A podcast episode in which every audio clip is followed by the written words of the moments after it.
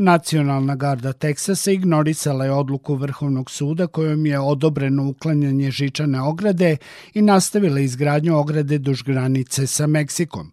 Guverner Teksasa Greg Abbott izjavio je da je Teksas spreman za neverovatan slučaj da predsednik Sjedinjenih američkih država Joe Biden federalizuje nacionalnu gardu dok se nastavljaju nesuglasice kada je reč o migrantima na južnoj granici prema Meksiku.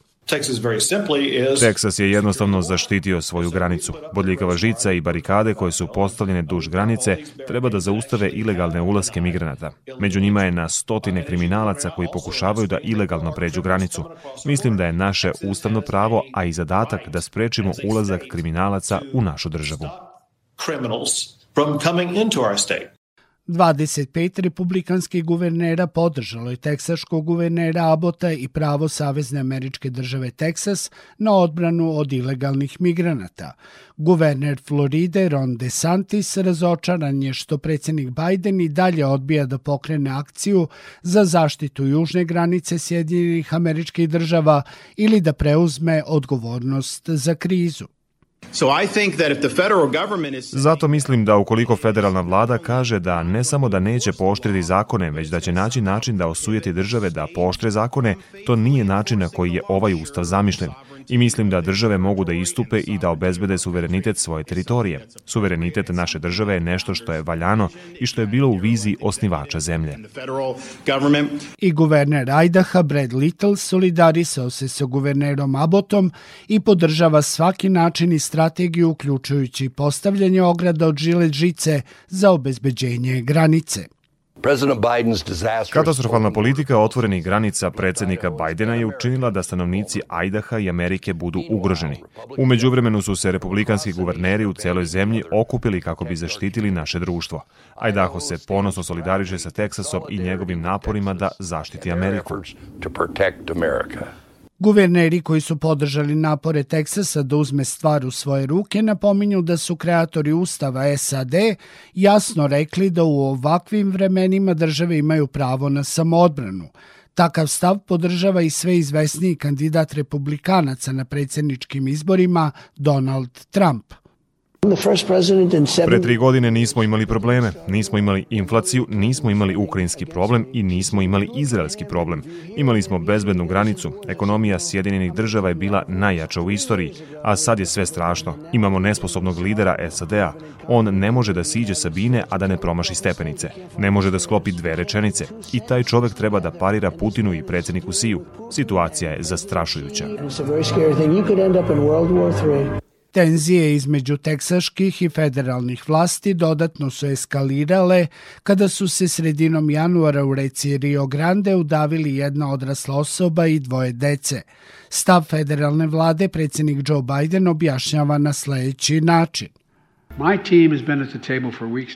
Moj tim je već nedeljama za stolom sa dvopartijskom grupom senatora kako bismo postigli konačan dogovor, uključujući i onaj o granici, jer verujem da su nam potrebne značajne promene politike oko granice, kao i promene u našem sistemu azila, čime bismo osigurali da imamo otvorene granice koliko nam je potrebno, a da ih ipak kontrolišemo. Spreman sam da odigram svoju ulogu do kraja. Oni moraju da izaberu da li žele da reše problem ili da nastave da ga koriste da bi osvojili političke poene protiv predsednika. Problem sa odlukom Vrhovnog suda u uklanjanju žičane ograde i barijera na reci Rio Grande jeste što ne sadrži konkretne korake koje bi trebalo preduzeti za njenu primjenu, kaže docent Fakulteta političkih nauka i politikolog Milan Krstić. Situacija je takva da je postojeća kriza koja se zapravo bazira na diametralno različitim pogledima na to kako treba da izgleda politika imigracije i kako Amerika treba da se odnosi prema ilegalnim imigrantima, a te različite vizije su zapravo e, na neki način e, ne samo da su vidljive među građanima, nego su vidljive i među dve ključne političke partije, dakle republikanske, koja zagovara um, oštru borbu protiv ilegalnih imigracija i demokratske koja zagovara um, mnogo blaži stav, sada je zapravo ta podeljenost američkog društva i američke političke elite kulminirala u aktualnoj krizi koju imamo priliku da vidimo u Teksasu. Ona jeste generisana u velikoj meri i presudom Vrhovnog suda koja jeste bila jasna spram toga da je zabrana saveznim vlastima da uklone žicu na granici koju je upravo radi sprečavanja ovih ilegalnih imigracija postavila republikanska vlast u državi Teksas. Dakle, Vrhovni sud je rekao da nema pravo republikanska ili bilo koja druga državna vlast u državi Teksas da postavlja žicu na granici mimo odluka savezne vlade koju u ovom trenutku kontrolišu e, demokrate, odnosno predsednik Biden.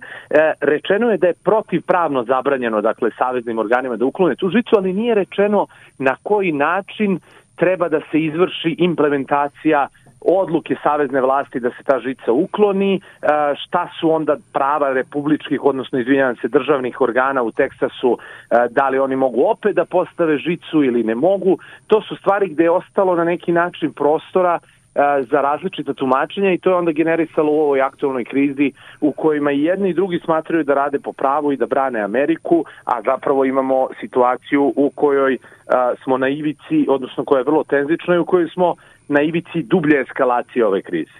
Krstića podsjećamo da su u američkom senatu republikanci svoju podršku budžetu vezali za obezbeđivanje granice – Taj spor traje već mesecima i sve savezne institucije nalaze se na privremenom finansiranju. Koliko ipak ima preterivanja u nekim tvrdnjama na društvenim mrežama da zapravo Trump mobiliše novu vojsku konfederacije, aludirajući na mogućnost vrlo ozbiljnih sukoba i neke vrste građanskog rata.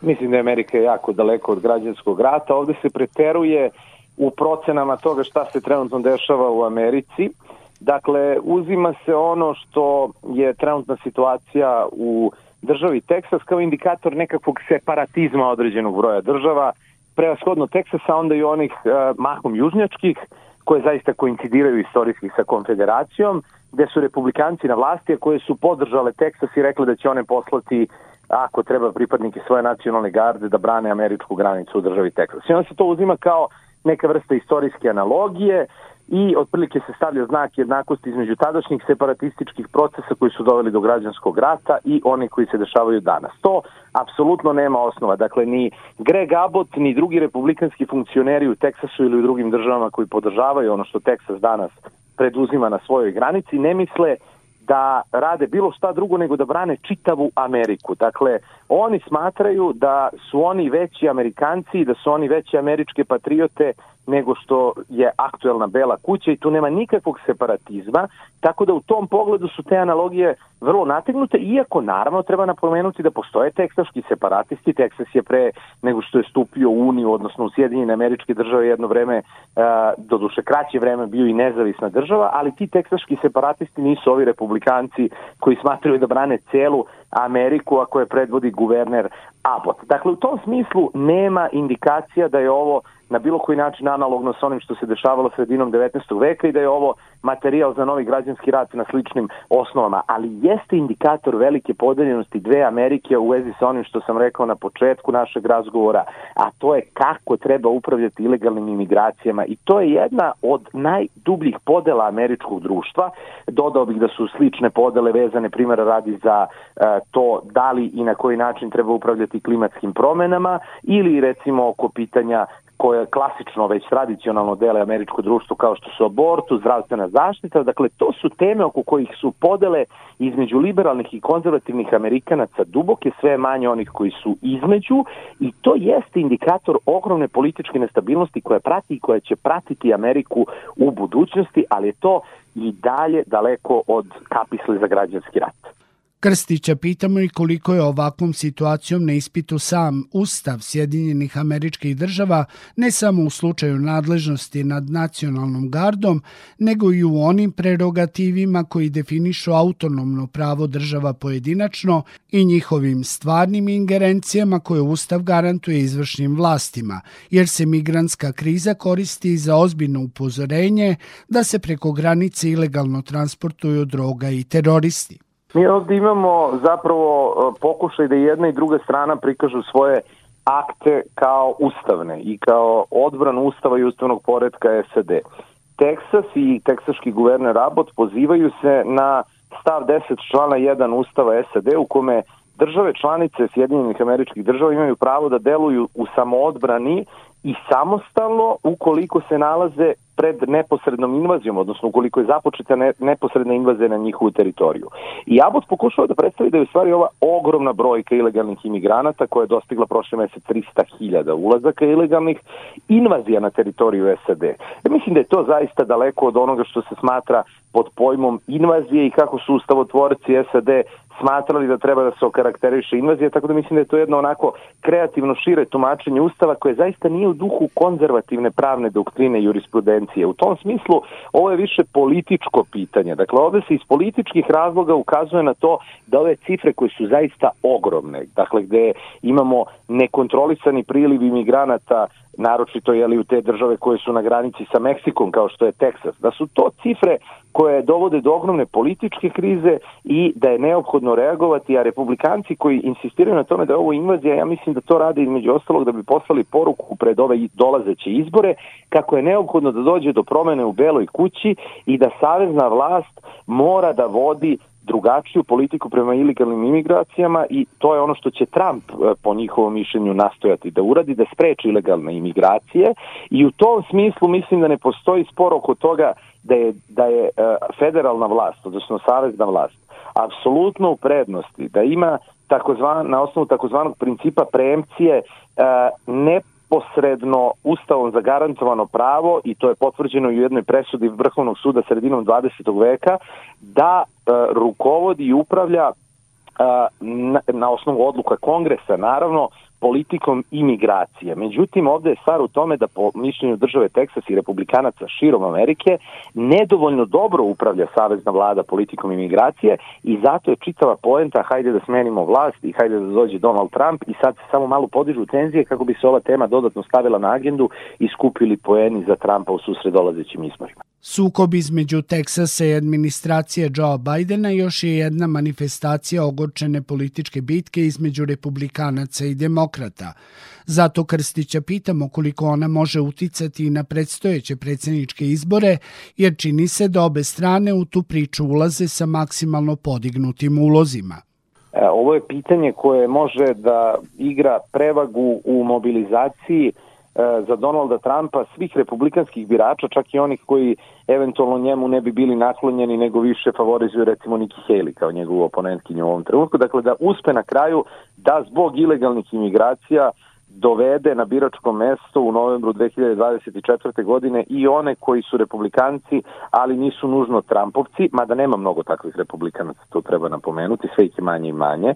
I sa druge strane da u onim neopredeljenim slojevima birača, znači koji su između demokrata i republikanaca, zbog ove pretnje uspe da nekoga na neki način govori da glasa za njega zato što smatra da će on bolje da upravlja imigracijama kao temom broj 1. E, naravno, imigracije i dalje nisu u potpunosti tema broj 1, neko su važna tema. Tema broj 1 zove neopredeljene birače je ekonomija i Donald Trump ima srećnu okolnost da po istraživanjima javnog mnjenja e, zapravo većina ovih neodlučnih birača misli da bi on bolje upravljao ekonomijom nego što to trenutno upravlja Joseph Biden i u tom smislu e, on će i nastojati da poveže temu imigracija ne samo sa aspektima unutrašnje bezbednosti SAD, nego i sa aspektom ekonomskog blagostanja. Dakle, ako imate nekontrolisane imigracije, to se može negativno odraziti na ekonomiju SAD, tako da će Donald Trump verovatno dosta precizno ove poruke povezati i nastojati da ih iskoristi za mobilisanje neodlučnih birača. On i onako vodi prema istraživanjima javnog mnjenja trenutno u ključnim takozvanim kolebljivim državama koje će odlučiti ishod izbora u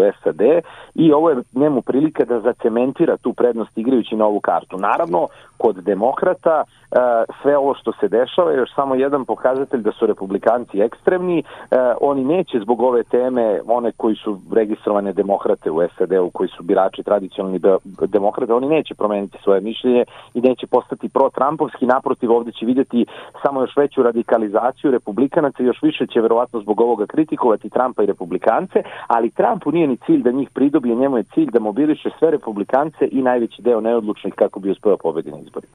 Zaključujući kako je ova tema malo više preuveličana u medijima sa ove strane Atlantika, politikolog Milan Krstić primećuje da ona nije vest broj 1 u mnogim dominantnim američkim medijima, pravdajući to činjenicom da je većina njih pod kontrolom proliberalnih redakcija koje vode računa da Donald Trump u ovoj predizbornoj kampanji ne dobije dodatne poene. Ovo jeste velika kriza, ali nedovoljna da poljulja američki ustavni poredak ili izborni sistem. Sektor Plus. Svet sa naslovnice.